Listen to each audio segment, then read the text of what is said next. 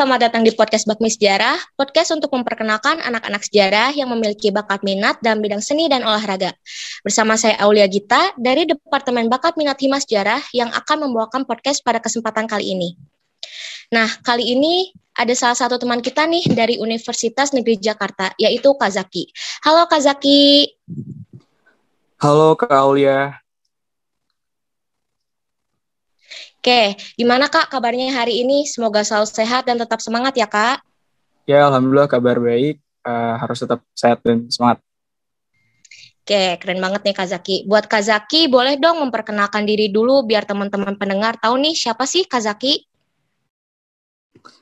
Oke, uh, untuk teman-teman pendengar di mana pun kalian berada dan kapan pun kalian mendengar, uh, sebelumnya perkenalkan dulu nama saya Zaki Syahri Ramadan, mahasiswa Prodi Pendidikan Sejarah uh, Universitas Negeri Jakarta, angkatan 2019. Wah, keren banget nih Kazaki. Uh, Kazaki, dengar-dengar nih Kazaki ini jadi Kadif Orseni atau olahraga dan seni di BEM Pendidikan Sejarah UNJ ya, Kak? Nah, iya betul. Jadi kepala divisi. Oke, kalau gitu mau tanya nih, seni itu ada pembagian-pembagiannya nggak sih, Kak? Untuk di dalam uh, divisi Orsen sendiri, untuk pembagian-pembagiannya mungkin lebih mengarah ke uh, setiap uh, kalau ada event atau proker aja sih gitu pembagian uh, tugasnya. Jadi sebenarnya nggak terlalu baku dan lebih fleksibel aja kita. Gitu sih. Oke, tapi kalau misalkan uh, setiap orang di Orseni itu ada ini nggak kak kayak semisal orang ini megang program kerja apa gitu atau nanti kalau ada eventnya aja gitu kak? Uh, ada sih ada. Uh, jadi uh, apa namanya? Kalau misalkan untuk masuk orsen itu kan pasti ada yang bagian olahraga, ada yang bagian seni. Nah gitu. Jadi kalau misalkan untuk yang megang event-event olahraga, uh, kebetulan untuk orang-orang yang memang uh, capability-nya di bidang olahraga untuk event-event yang musik atau konten-konten yang musik eh, atau uh, musik lagi sorry yang seni uh, mungkin lebih ke orang-orang yang capability-nya di bidang uh, seni gitu. Oke, jadi per bidangnya masing-masing gitu ya kak? Iya betul banget kak. Oke, kalau gitu kita ganti topik ya kak. Selain di BEM nih, Kak Zaki kesibukannya apa aja sih?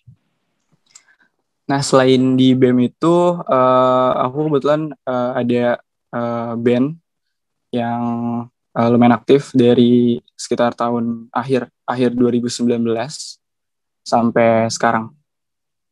Nama bandnya The Rawamangun Kak. The Rawamangun? Iya, sesuai sama nama daerahnya UNJ. UNJ daerah kan di daerah Rawamangun tuh di Jakarta. Jadi kita pakai nama itu. Uh, jadi uh, Kazaki dan teman-teman nih namain band itu sesuai apa nih?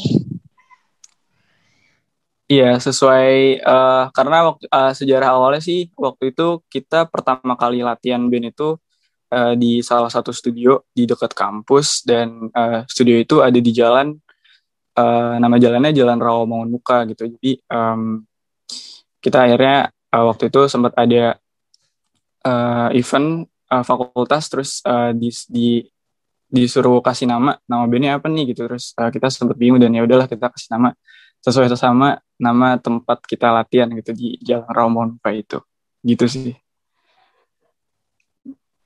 Kayak inspirasinya unik banget ya kak, simple tapi uh, unik gitu. Iya betul, simple banget. Iya, oke itu uh, bandnya dari dalam kampus atau dari luar kampus kak? Uh, dari dalam kampus kebetulan satu band itu emang anak sejarah semua.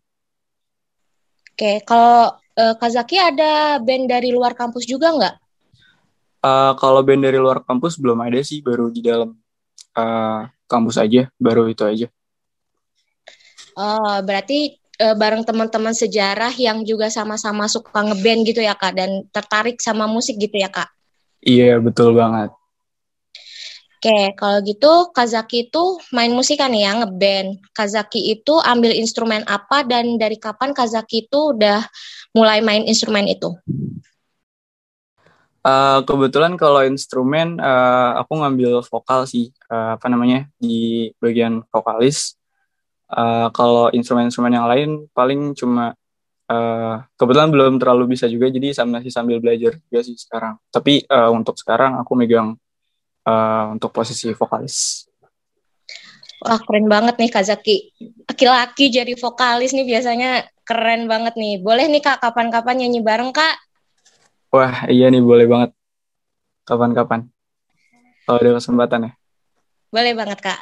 Kak Zaki tuh biasanya uh, senangnya tuh denger musik apa sih genre apa gitu Kak? Yang cocok gitu sama Kak Zaki kalau pembawaan sama pembawaan suaranya Kak Zaki. Nah, uh, kalau aku sendiri sebenarnya kalau misalkan uh, konteksnya untuk mendengarkan musik uh, uh, aku sih lebih ke arah yang hampir semua genre aku dengerin sih kayak dari uh, pop, rock, uh, terus juga um, jazz, uh, bahkan country gitu. Kayak aku uh, hampir semua genre didengerin gitu. Um, tapi uh, kalau misalkan untuk spesialisasi untuk manggung, lebih ke arah uh, lagu-lagu atau musik-musik yang memang uh, sesuai dengan uh, genre dari band gitu kayak ya lagu-lagu band gitu lagu-lagu yang uh, rock atau um, pop alternatif gitu-gitu. Oke, berarti Kazaki ini semua musik tuh didengerin gitu ya kak? All genre tuh Kazaki sebenarnya suka gitu ya kak? Iya, iya gitu sih. Sebenarnya um, karena ini sih karena musik itu kan sifatnya universal ya jadi uh, walaupun musik itu terkotak-kotakan di berbagai genre tapi uh, untuk apa ya untuk dapat menikmati musik itu nggak bisa secara universal gitu. Ya betul banget nih kak. Jadi kita tuh harus menerima semua jenis musik gitu ya kak. Iya betul banget kau ya.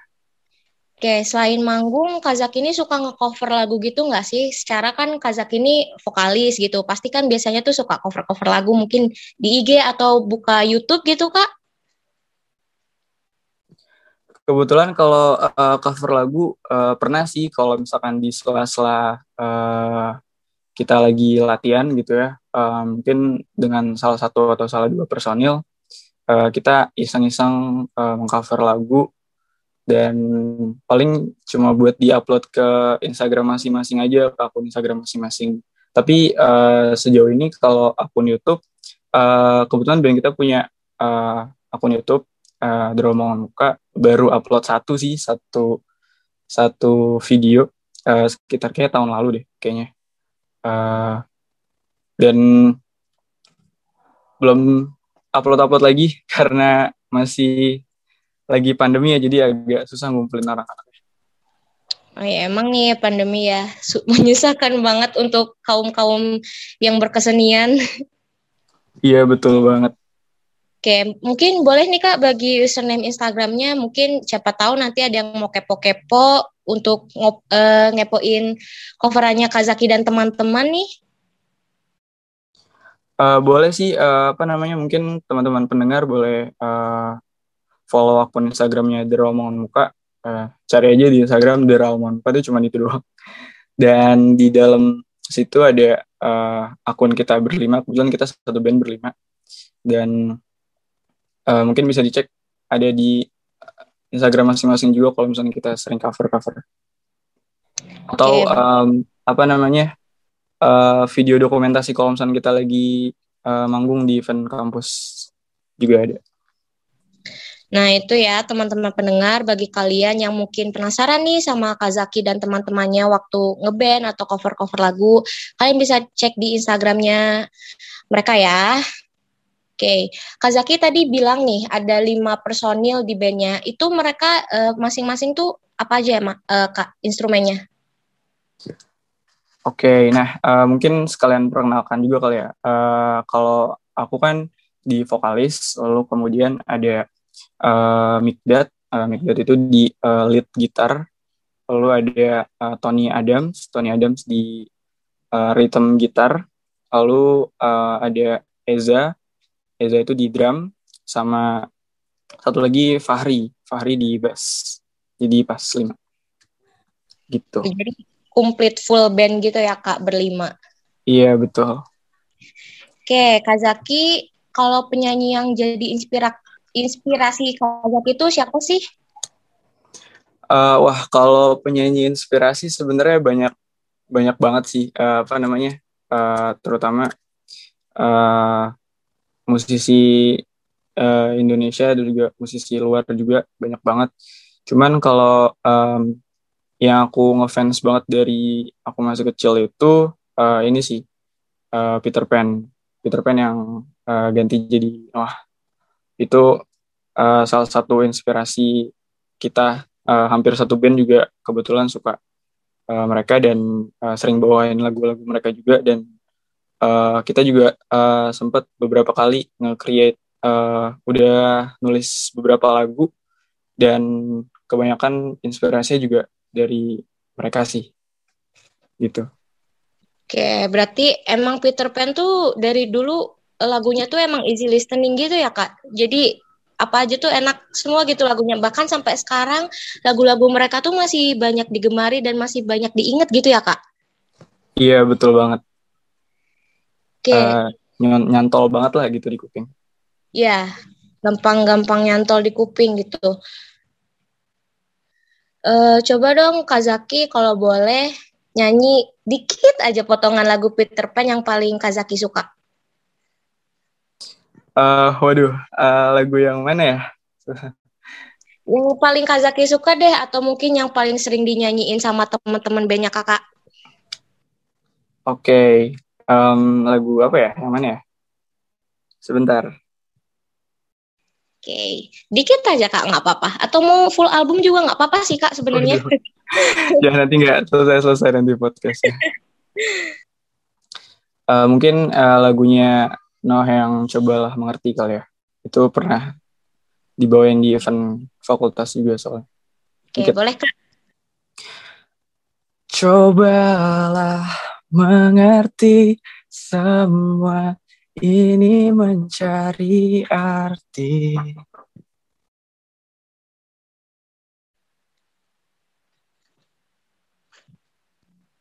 Udah, Kak.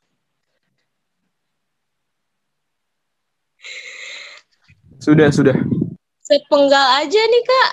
Kurang dong, dikit lagi, Kak. Iya, udah dikit aja. Nanti kena royalti lagi dari namanya. Oh, iya. copyright ya, Kak? Iya, kena copyright. Nanti mungkin pendengar tuh kok eh, teman-teman pendengar semisal mau minta nambah nih, minta dinyanyiin lagi sama Kazaki, boleh langsung ke Instagramnya aja ya. Tadi kan udah di ini ini Instagramnya udah dikasih Instagramnya nanti kalian boleh tuh uh, nge DM Kazakinya atau mungkin ke teman-teman bandnya request request lagu gitu ya kak ya? Iya boleh banget boleh boleh. Oke okay. uh, eh, mau tanya lagi nih kak.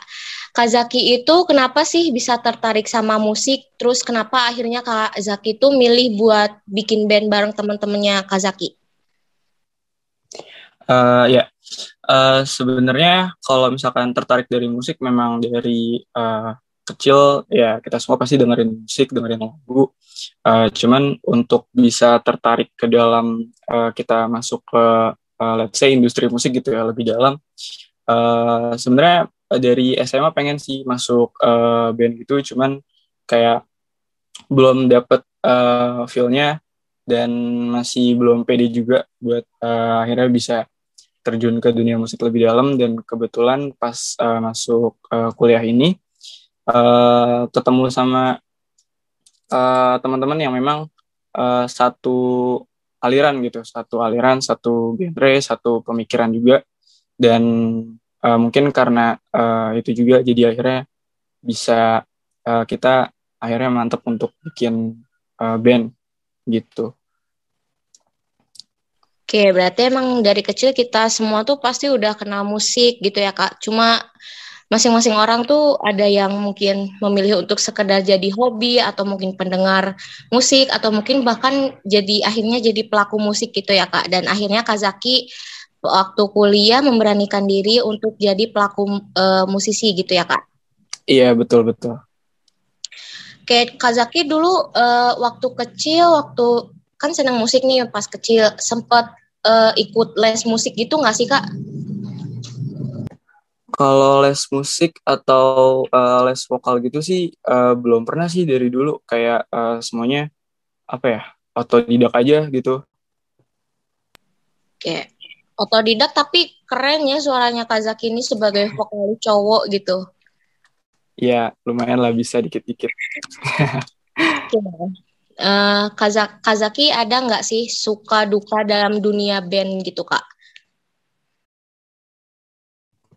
Kalau suka duka pasti banyak ya. Uh, sukanya banyak, dukanya juga uh, nggak terlalu banyak sih. Cuman um, selama ini kalau sukanya itu bisa dibilang kalau misalkan kita dapat apa namanya, dapat panggilan uh, manggung gitu di acara kampus, acara fakultas kayak uh, kita dipercaya buat wakilin uh, prodi buat nampil di event fakultas atau uh, misal ada prodi lain yang bikin uh, acara juga terus uh, kita uh, dipanggil gitu ya. Sedangkan di antara uh, band di antara prodi-prodi lain di fakultas juga ada band-band lain. Cuman akhirnya kita yang kepilih itu kayak ada suatu uh, apa ya rasa pride tersendiri gitu. Mungkin uh, di situ sih. Dan juga uh, pas lagi euforia manggung itu juga suatu hal yang sangat apa ya uh, beda lah gitu. Apa namanya dengan kita yang uh, manggung ngadep penonton dengan kita sebagai penonton ngadep ke performance itu uh, apa ya dua hal yang sangat berbeda dan itu um, seru aja sih gitu. Terus juga um, kalau misalkan lagi latihan sama anak-anak juga pasti banyak hal-hal yang kayak uh, seru-seru lucu-lucu gitu. Itu sukanya sih pasti. Kalau untuk kalau untuk dukanya sendiri uh, mungkin karena ini ya mungkin uh, aku bisa bilang pandemi ya. Uh, pandemi ini tuh uh, kurang lebih hampir dua tahun ini tuh jadi apa namanya ibaratnya bisa dibilang sebagai uh, penghambat yang akhirnya kita seharusnya bisa uh, lebih eksplor lebih jauh event-event uh, musik di entah itu di kampus atau di luar gitu kita bisa eksplor itu. Cuman akhirnya karena uh, pandemi ini jadi uh, kita tidak apa ya tidak punya kesempatan itu gitu. Dan akhirnya kita ganti dengan uh, kita bisa beradaptasi dengan uh, ngadain secara online dan lain sebagainya. Itu aja sih paling dukanya. Oke. Okay. uh, kalau berarti Kazak itu dan teman-teman tuh bangga gitu ya kayak bandnya tuh sering diundang ke event-event fakultas lain gitu di kampus dan kalau misalkan dukanya tuh uh, karena pandemi ini pasti semua pelaku seni itu terkena imbasnya. Sebenarnya bukan hanya uh, pelaku seni yang terkena imbasnya, tapi pelaku seni juga banyak gitu yang terkena imbasnya begitu ya kak? Iya betul banget. Uh, karena namanya uh, seniman atau uh, tadi pelaku seni kan uh, kita untuk show off-nya lewat event-event yang mengumpulkan banyak orang gitu. Sedangkan di pandemi ini kan mengumpulkan banyak orang adalah satu hal yang uh, sangat dilarang gitu. Jadi uh, ya itulah kendalanya. Iya dan kalau misalkan kita uh, manggung lewat online dan pasti kan kalau online itu natapnya tuh kamera gitu layar itu pasti euforianya juga terasa beda gitu ya kak. Nggak kayak kalau offline langsung ketemu sama uh, penontonnya langsung gitu.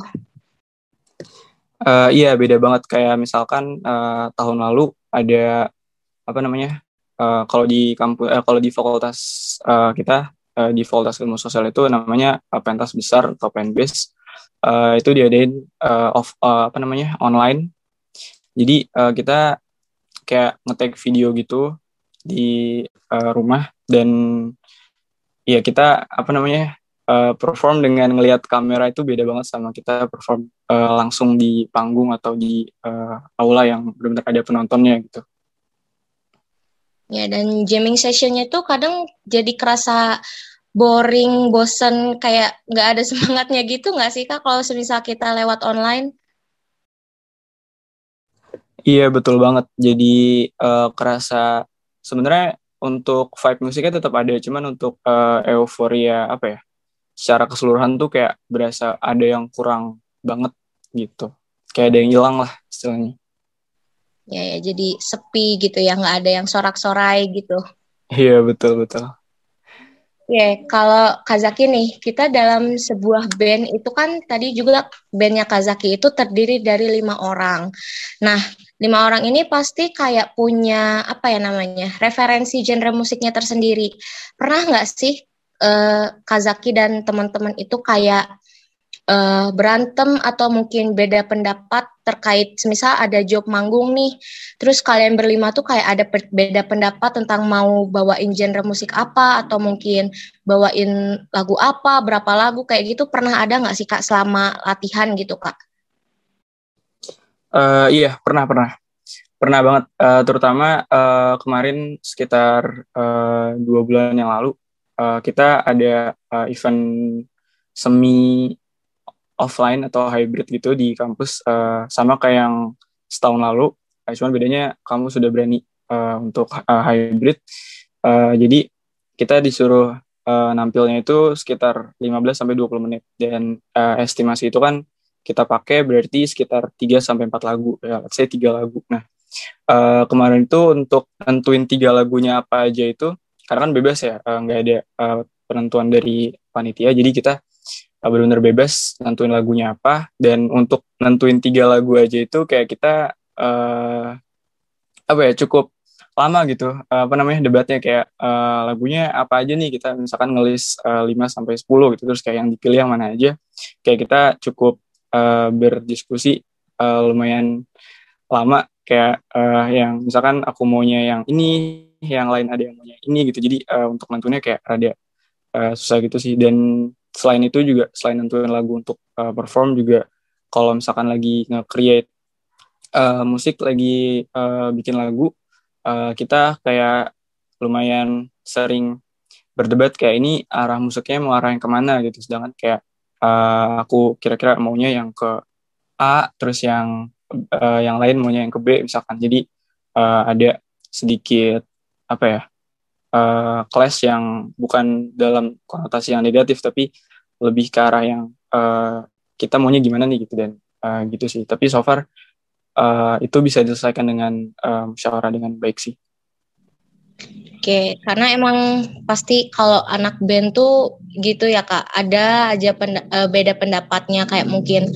kita, ya kayak Kak Zaki bilang tadi kita maunya lagu yang ini, terus mungkin para pemain instrumennya mau lagunya yang ini, terus biasanya pemain instrumen tuh kan pengennya tuh kayak yang apa ya yang lagunya tuh fast gitu. Kayak menonjolkan instrumennya mereka gitu nggak sih kak? Uh, kalau itu uh, alhamdulillah kita udah uh, saling ini ya apa namanya udah ngebagi porsinya masing-masing gitu. Uh, intinya kalau misalkan uh, vokal itu taruhnya semana kalau misalkan um, intinya kita uh, biasanya kan sebelum itu pasti kita ada soundcheck dulu. Nah sebelum pas lagi soundcheck itu kita benar-benar uh, mastiin kalau uh, gimana caranya biar sound itu uh, bisa apa ya bahasa musiknya sih bulat ya bisa yeah. jadi uh, ngebungkus dengan rapi lah istilahnya gitu. Ya. Yeah. Oke, okay. Kak Zaki, pernah nggak sih kalau misalkan lagi beda pendapat gitu sampai akhirnya kalian tuh nggak jadi latihan gitu karena mungkin saking kalian apa ya megang ego masing-masingnya gitu kak pernah nggak sih kayak sampai kayak gitu? Kalau itu belum pernah sih. Uh, so far masih apa ya? Masih aman-aman aja. Kebetulan karena emang kita uh, berlima genrenya masih apa ya? Ibaratnya masih cukup uh, selaras gitu, nggak ada yang uh, belok banget. Jadi um, untuk itu sih masih aman-aman aja sih. Oke, jangan sam jangan sampai deh ya kak, kalau misalkan sampai kayak gitu Iya betul banget jangan sampai. Kalau Kazaki dan teman-teman nih semisal lagi beda pendapat kayak gitu, gimana cara kalian itu buat nyatuin pendapat masing-masing gitu? Jalan tengahnya itu kalian gimana?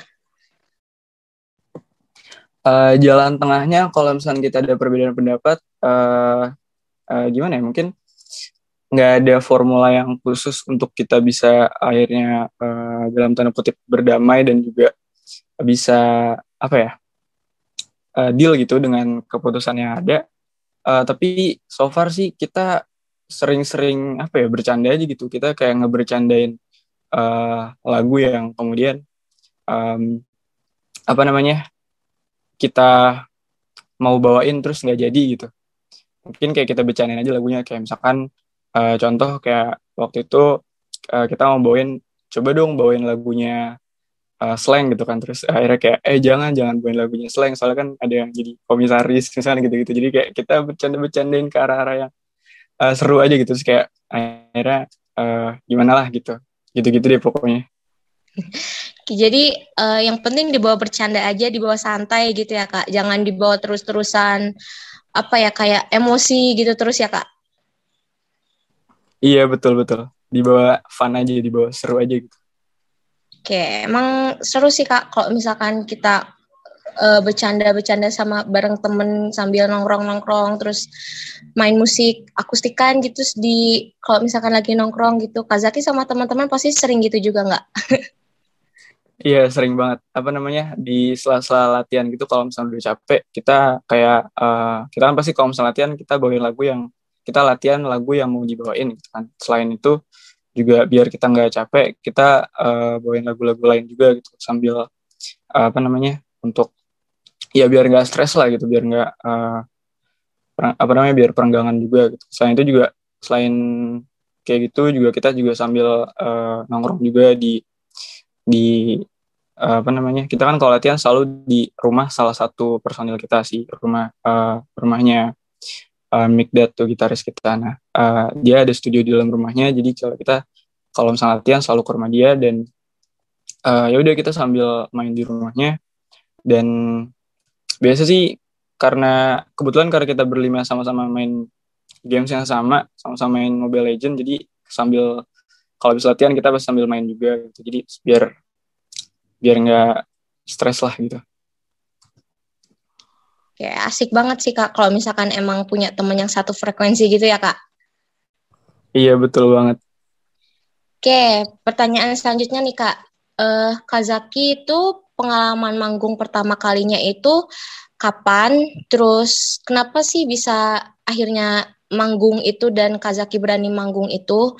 Terus gimana perasaannya Kazaki waktu pertama kali manggung itu?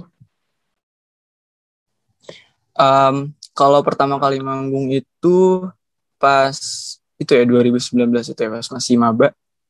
Uh, jadi emang ada uh, event uh, fakultas yang uh, tahunan dan akhirnya uh, dari cutting cutting or seni ya waktu itu otomatis kan waktu pas maba kan kita belum jadi anak BEM ya kita masih uh, ya masih maba dan waktu itu um, akhirnya ditunjuk tuh beberapa orang.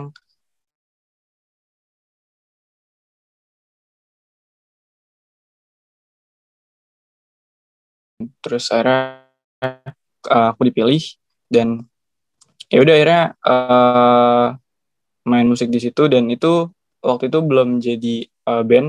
Masih apa ya masih kena cabut-cabutan gitu dari uh, angkatan mana angkatan mana uh, terus kemudian uh, akhirnya kayak itu jadi apa ya kali sih manggung di kampus.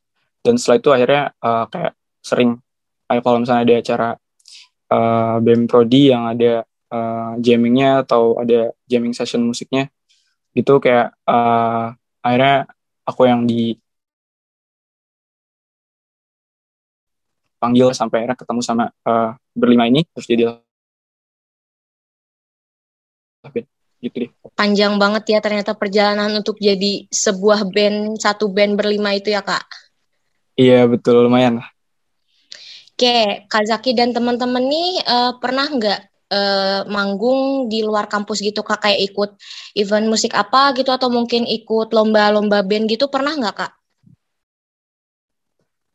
Kalau gitu, kalau lomba-lomba band gitu belum pernah sih. Uh, so far kita masih main di internal kampus aja.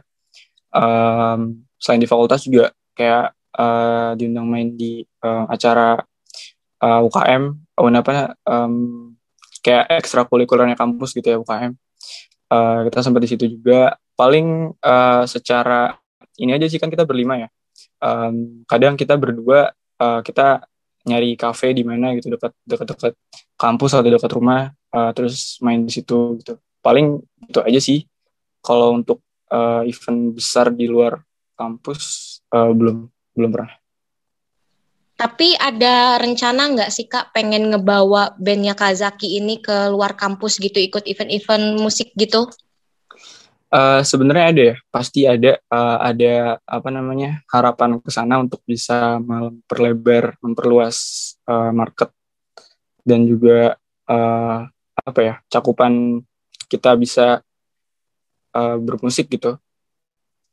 Tetap ada pasti ada uh, harapan ke sana, cuman untuk sekarang sih kita fokus buat ngeproduksi lagu sendiri aja buat di bisa dipublish di uh, platform musik digital kayak Spotify juga gitu sih. Wah keren banget nih Kazaki dan teman-teman bandnya. Mungkin kalau misalkan teman-teman pendengar mau ada acara atau apa, mungkin boleh nih undang-undang Kazaki dan teman-teman bandnya ya kak, boleh nggak? Boleh, boleh banget, boleh banget.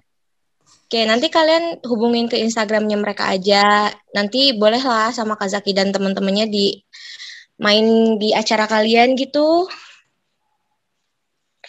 Oke, Kazaki ini uh, uh, selama pandemi ini ada job atau undangan buat manggung nggak sih kak? Selama ini uh, mungkin kalau tahun 2020 kemarin uh, pure hampir nggak ada ya.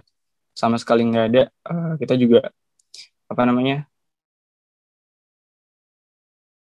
uh, mungkin teman-teman yang di bandnya ada yang kos juga dekat kampus terus akhirnya juga karena pandemi jadi pulang ke rumahnya. Dan akhirnya uh, selama tahun 2020 itu kita lumayan apa ya hampir jarang banget manggung lah gitu beberapa bulan sekali baru ketemu gitu. Uh, mungkin di tahun 2021 ini aja sih baru ada um, terakhir uh, event di fakultas itu yang hybrid tadi. Terus juga uh, untuk panggilan-panggilan so far uh, bulan lalu yang tadi aku sebutin kita diundang oleh salah satu UKM di UNJ buat nampil di acara pameran uh, nya mereka. Terus juga um, dari sama dari fakultas juga salah satu uh, event atau proker dari fakultas yang mereka uh, butuh apa namanya sesi musik gitu. Terus akhirnya mereka manggil uh, kita gitu. Gitu-gitu sih paling uh, yang kecil-kecil gitu aja. Ya berarti emang selama pandemi itu susah ya kak untuk misalkan kita mau manggung di mana, mau manggung di mana gitu susah sebenarnya kak selama pandemi itu. Iya lumayan susah, lumayan susah. Oke, Oh ya, tadi kan Kazaki tuh bilang mau rilis lagu sendiri nih sama teman-teman bandnya. Itu sebelumnya udah pernah atau baru mau kali ini, Kak? Uh, baru mau kali ini. Baru mau kali ini kita mau uh, rilis lagu gitu. Karena kebetulan uh, selama pandemi ini uh, aku sama teman-teman satu band kayak uh, kita kayaknya harus kita sempat diskusi gitu kayak kita harus uh, kita nggak bisa terus-terusan pakai lagu orang gitu untuk dibawain. Dan kayaknya kita harus coba nge-create uh, karya musik sendiri. Dan akhirnya uh, yaudah selama uh, pandemi ini kayak kita sama-sama bikin sendiri di rumah. Kayak uh, aku bikin terus juga uh, teman yang lain juga ada yang bikin juga gitu. Itu baru pertama kali sih. berarti uh, sampai sekarang ini masih proses ya kak lagunya? Uh, masih proses. Uh, so far sudah ada uh, eh, 5 sampai 6 lagu yang ada di draft. Cuman yang baru fix jadi banget itu baru dua, dua Wah, tiga lah. Keren nih, banyak banget uh, draft-draft lagunya aja udah banyak. jadi nggak sabar nih kak, ditunggu ya kak lagunya. Kalau udah rilis nanti bolehlah calling-calling. Iya bener banget. Nanti uh, apa namanya kita pasti ngabarin kalau misalnya kita udah masuk Spotify. Oke, ditunggu ya Kak uh, untuk lagu rilisan dari Kazaki dan teman-teman. Semoga juga pembuatan lagunya lancar dari awal hingga akhir nanti uh, perilisan. Amin, amin. Amin. Thank you Kak Aulia. Oke. Kazaki nih, Kazaki kan ada di uh, jurusan pendidikan sejarah ya Kak.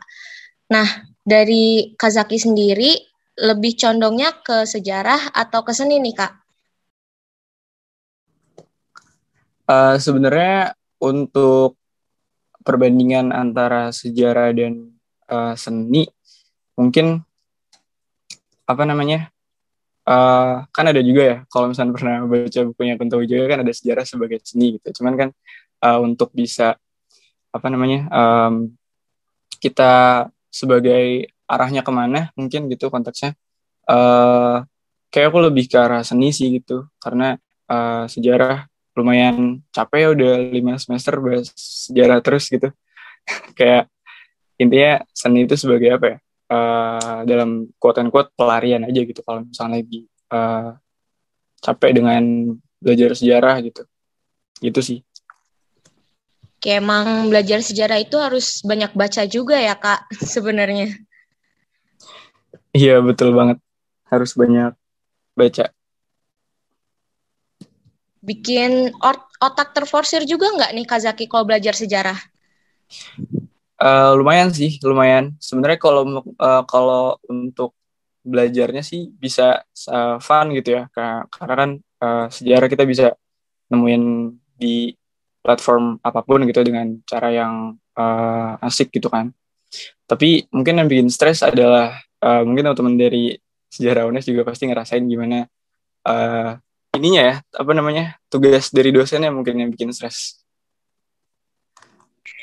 Oke, Oke, terakhir nih Kak, sebelum kita tutup podcast kali ini, dari Kazaki sendiri, ada gak close statement? Atau mungkin Kazaki mau ngasih tips nih buat para mahasiswa di luar sana yang aktif kuliah sambil ikut organisasi. Kan Kazaki nih e, sibuk banget ya, kayak kegiatannya dari mulai kuliah, organisasi, terus ikut band juga, bikin band di dalam kampus gitu kan Kak.